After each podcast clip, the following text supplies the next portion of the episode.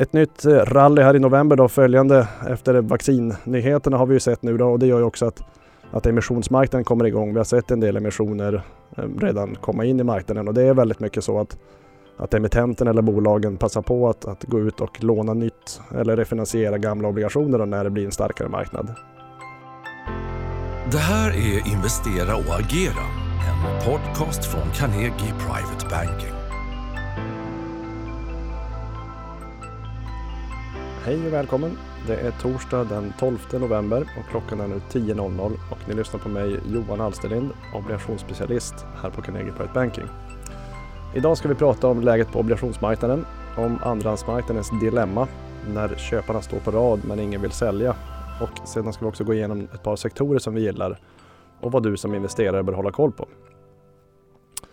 Tänkte också ta en, en recap från föregående podd eh, i och med att vi har fått in lite frågor också. Eh, så går vi igenom grunderna med företagsobligationer mer i detalj. Eh, det kan man lyssna på från föregående avsnitt här då, som vi drog under hösten. Men, men liten intro är då att företagsobligationsmarknaden kallas ju också ibland kreditmarknaden. Som investerare lånar man ut kapital till ett företag under en begränsad tidsperiod. Normalt 3 till 5 år och eh, vid förfallodagen så får man tillbaka sitt nominella kapital.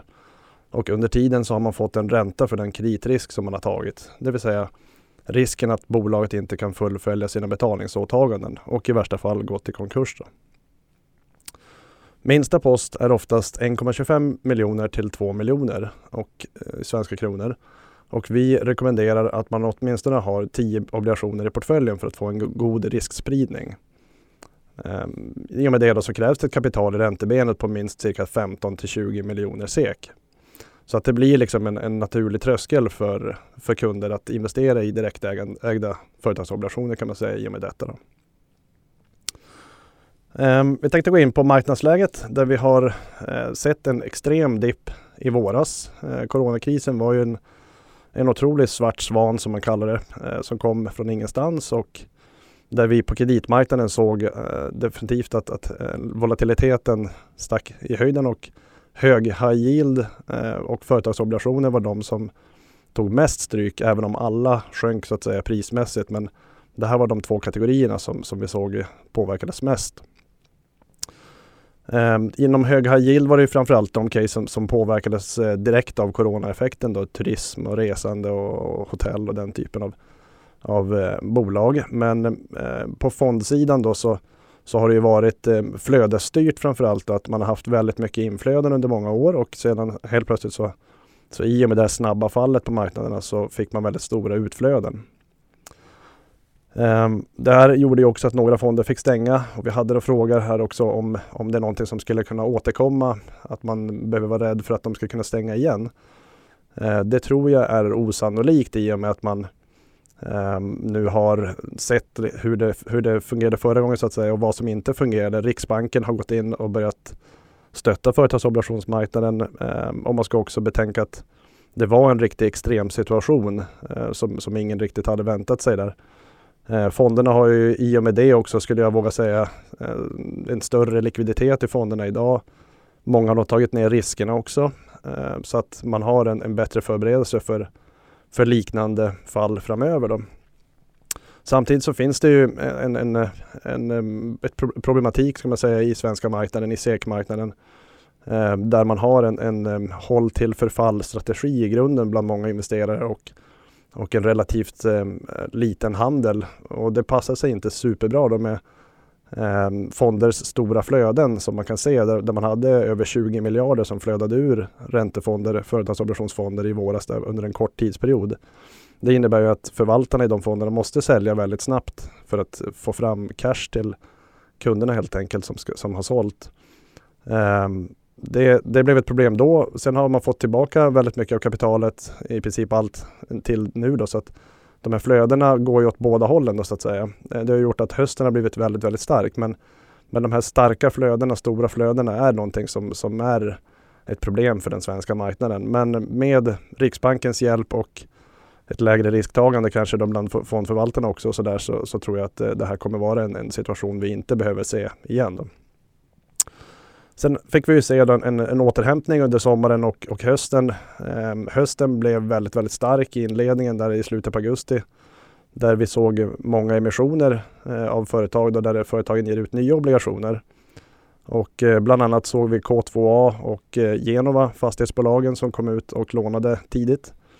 Ehm, det gjorde att, att eh, de, de, den, den kom, det blev som en kombinerad effekt där av att det var väldigt stora inflöden i fonderna samtidigt som eh, många investerare då hade fått tillbaka suget efter risk, ta, ta, risk helt enkelt och jakten på yield var igång. Vilket gjorde att eh, de här obligationsemissionerna fick ett väldigt, väldigt stort intresse. Och eh, det i sin tur då påverkar prissättningen, att kupongerna kommer ner då, så att säga, att räntan blir lägre på de eh, obligationsemissionerna.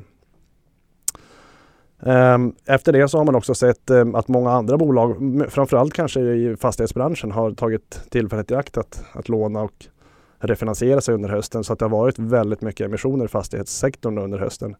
Där vi har varit med på en del men vi har också varit ganska försiktiga i vissa fall och tittat noggrant på de underliggande eh, siffrorna i bolagen och vilka kassaflöden de har och så vidare. Så att, så att det har varit lite högt och lågt kan man väl säga på, på emissionsfronten. Sen har vi sett en rekyl under oktober eh, med en andra våg här och en stor osäkerhet i både kring coronautvecklingen men även den osäkra valutgången i USA eh, som nu verkar få en, en, en, lösning men, men det är ju ännu inte klart så att eh, fortfarande finns det osäkerheter. Då.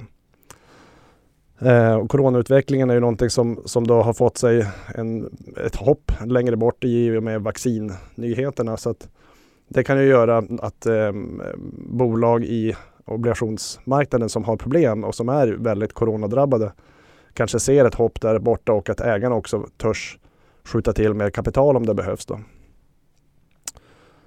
Ett nytt eh, rally här i november då följande efter vaccinnyheterna har vi ju sett nu då och det gör ju också att, att emissionsmarknaden kommer igång. Vi har sett en del emissioner eh, redan komma in i marknaden och det är väldigt mycket så att att emittenten eller bolagen passar på att, att gå ut och låna nytt eller refinansiera gamla obligationer när det blir en starkare marknad.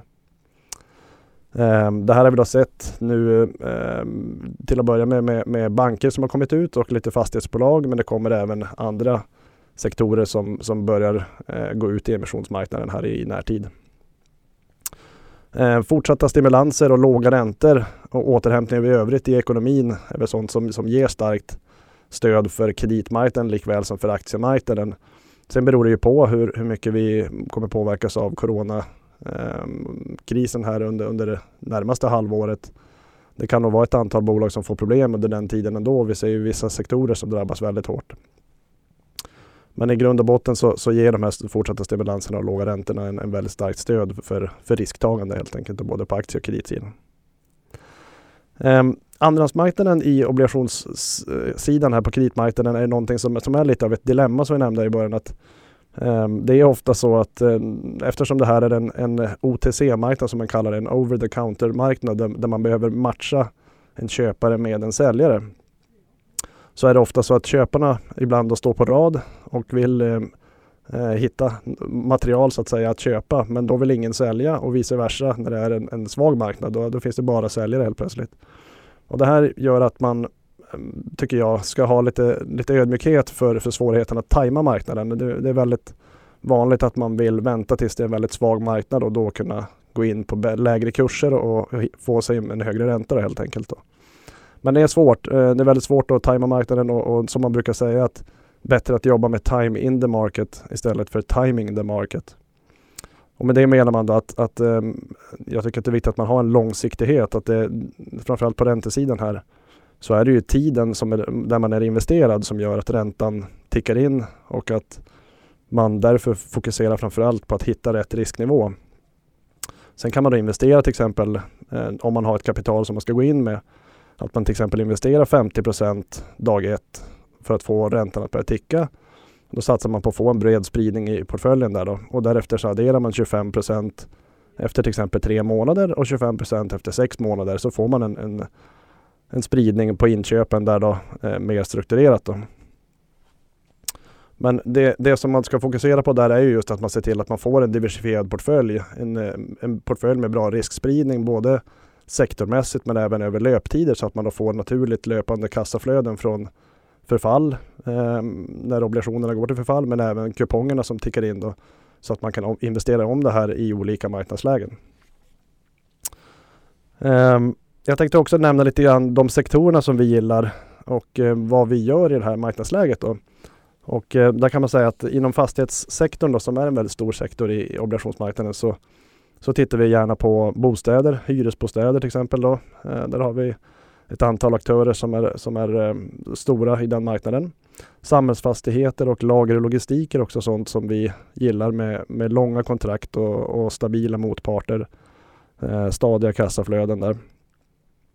Sen eh, inom andra sektorer då så vill vi, vilket vi gärna eh, tittar på, det, det är svårt eh, att hitta bra case inom andra sektorer ibland i och med att de blir så otroligt attraktiva och eftertraktade från andra aktörer. Fonderna har ju ofta en väldigt tung andel med fastigheter och finans i sina eh, portföljer och därför sen när det kommer någonting i industri till exempel något annat så blir det ett otroligt sug på de eh, emissionerna och då trycks räntan ner vilket gör att man måste bedöma då liksom om, om man faktiskt får betalt för den risken man tar i de här som är icke-fastighet och icke-finans.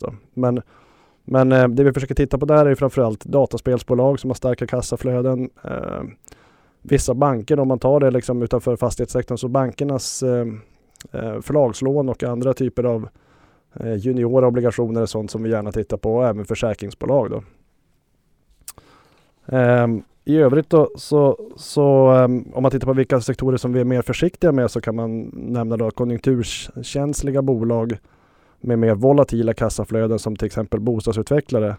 Men självklart också i den här eh, marknaden och efter corona-oron som vi har haft och den krisen som har varit och som är så aktar vi oss givetvis för flygbolag, eh, turist och resande eh, relaterade bolag så, och eh, Även att man tittar på olönsamma europeiska banker är någonting som vi har försökt eh, se upp för om man säger så. Det finns många banker i Europa som kan få problem framöver eh, med en ökad andel konkurser bland annat.